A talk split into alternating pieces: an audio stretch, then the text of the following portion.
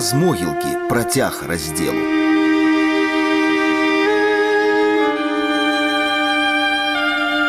Могілкі, магілы, труны, дамавіны. Колькі ж я іх сустракаў на сваім шляху.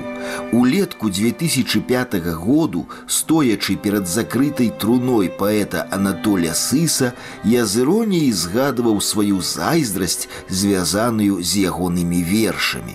Зайздрасць была да барда Андрея Мельнікова, які на фэсце аршанская бітва у 92 спяваў песню у гэтай краіне не маю я дому. Я мусіў выступаць наступным і захоплена слухаў словы Андреевай песні. Гэта ж трэба так афарыстычна і трапна, без патасу і позы апісаць свой нацыянальны боль.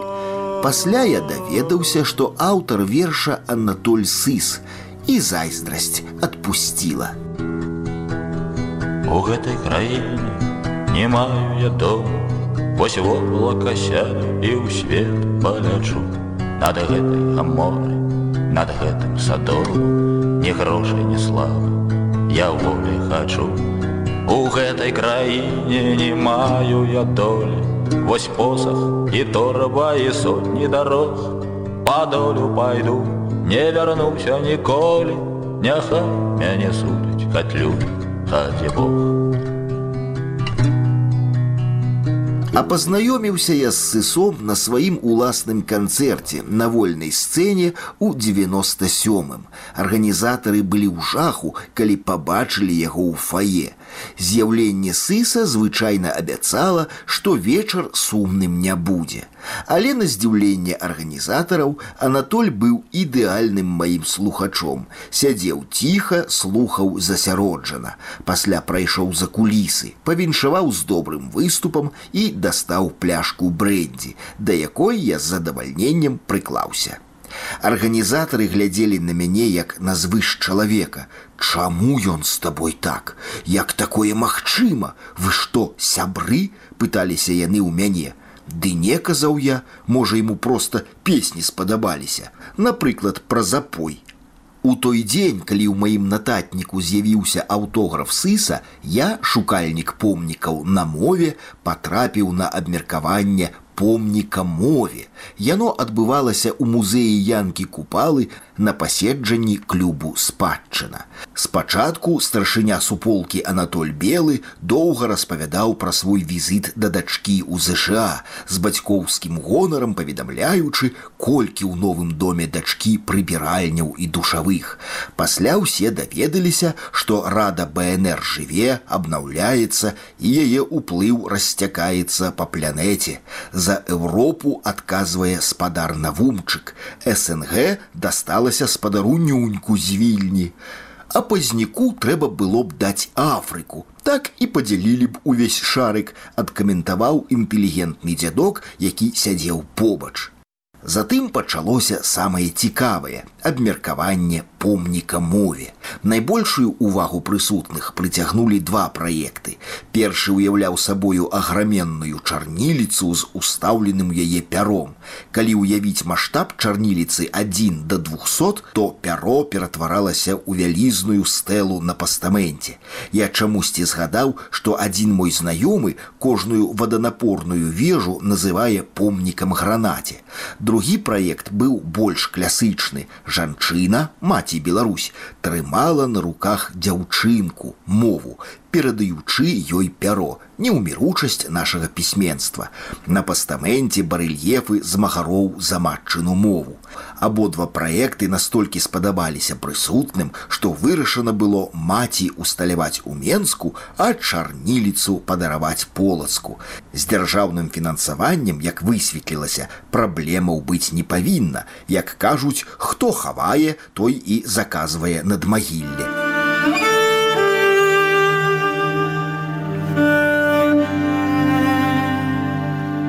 А пасля прыйшоў сыс і прапанаваў пайсці да яго ў госці у шэрую маласямейку, што схавалася ў дварах на вуліцы чарвякова.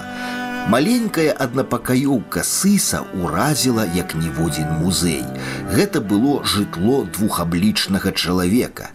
Кухня, месца жыхарства і загулаў халасцяка і алкаголіка са сталом пусці павалюся, з шыхтом пустых бутэлек под ракавінай з бруднымі сценамі, а ў пакоі з рабочым сталом ідэальны парадак. Кожная рэч, кожны аркуш паперы, кожная кніга на сваім месцы. Як гэтыя два памяшканні суіснавалі разам. Так павінна выглядаць жытло доктара Джекіла, прыстойнага пана добрых манераў, які, пераходзячы парог кухні, імгненна пераўтвараўся ў містера Гайда, злодзея і арангутанга. Мы тады пілі на кухні, і я запомніў, ці мне здалося, як захмялелы сыс, падыходзячы да свайго пісьмовага стола, заўважна цверазеў. На кухні ён мацярыў латыскага паэта Улдыса Берзеньша. Чым яго дапёк калега, я так і не ўцяміў. Але сеўшы за стол, сур'ёзны і засяроджаны сыс попрасіў у мяне нататнік. Узяў чырвоную асадку і зусім цвярозым почыркам напісаў: Латыская дывізія СС з барадатым рыжым ахвіцэрам увайшла на досвідку ў пан лес, якаб выжыць абярнуўся зверам. Бацьку у луня ператварыў, маці у нямую салаўіху, кніжку ў рызе дурань ахвіцэру падарыў рыжаму на ліха штандартенфюрер берзыньш што прыйшоў паляваць паэтаў беларускіх хіба табе мала латышоў ці палякаў ці жытоў ці рускіх на сцяне сталёвы пісталлет а на сэрцы пераплёт абая. Хто табе навёрз што я паэт што як пан свой лес блакадны маю? Такі пан каўтун у галаве на душы трывога абы ціха Лунь, хавайся у сівой траве, у лісці хавайся, салаўіха.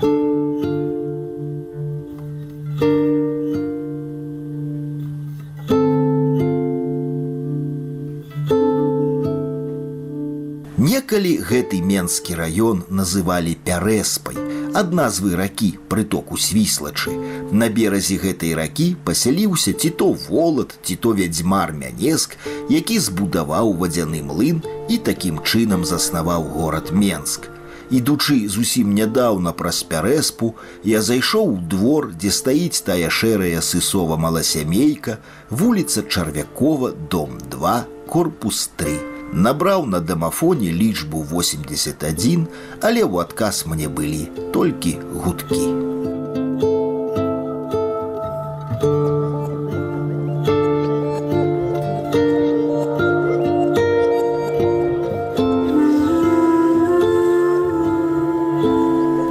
Сышоўшы таго памятнага разу з купалаўскага музею у дом музей Анатоля Сыса, я ніяк не мог прадбачыць, што далей моя дорожка дацягнецца і да коласавай хаты.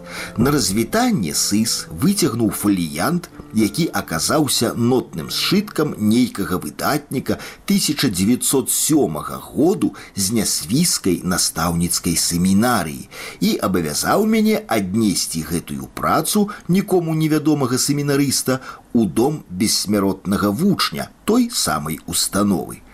Вы сябры сыса? асцярожна запытала дырэктарка з хваляваннем прымаючы фаліянт і аглядаючы мяне і славаміра адамовича які склаў мне кампанію нам прапанавалі застацца, паабяцаўшы неўзабаве цікавую сустрэчу.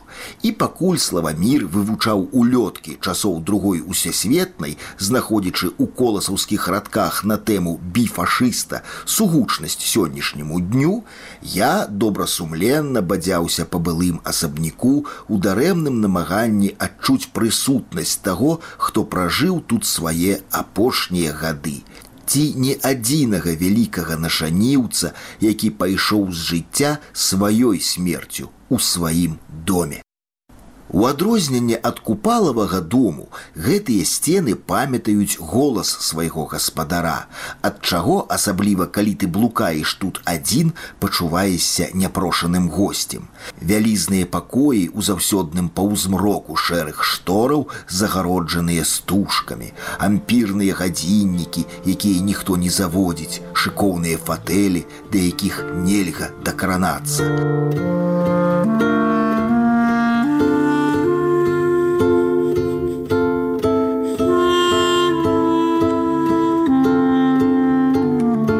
А дом патроху запаўняўся галасамі новых гасцей. Паважныя навукоўцы, мітуслівыя журналісты, разняволеныя студэнты. У гушчы публікі я пазнаў сакрата Яновіча. Аказалася, зусім нечакана для сябе мы са славамірам трапілі на прэзентацыю новай кніжкі гэтага прызнанага аўтара, што выйшла ў мастацкай літаратуры сцяна прачытаў я на вокладцы не без здзіўлення. Гэта быў пачатак 1998 году. Набор кнігі з такой самай назвай летась рассыпалі ў той самай мастацкай літаратуры. То была кніга васіля быкова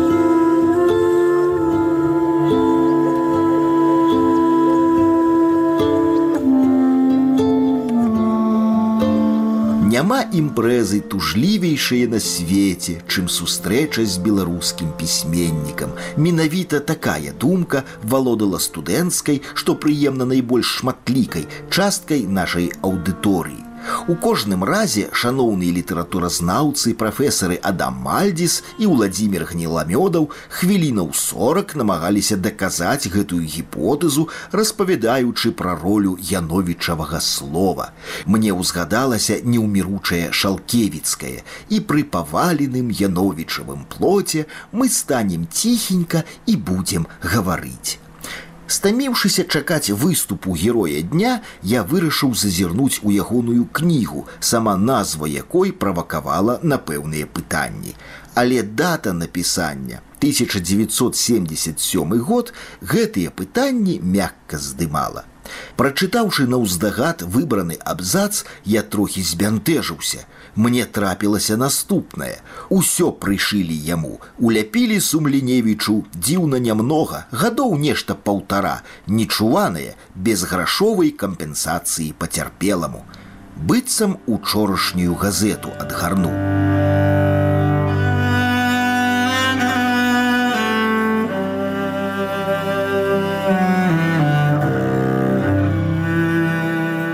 Нарэшце мы дачакаліся спадара сакрата. Першае чым ён парадаваў чытачоў сказаў прыкладна наступнае.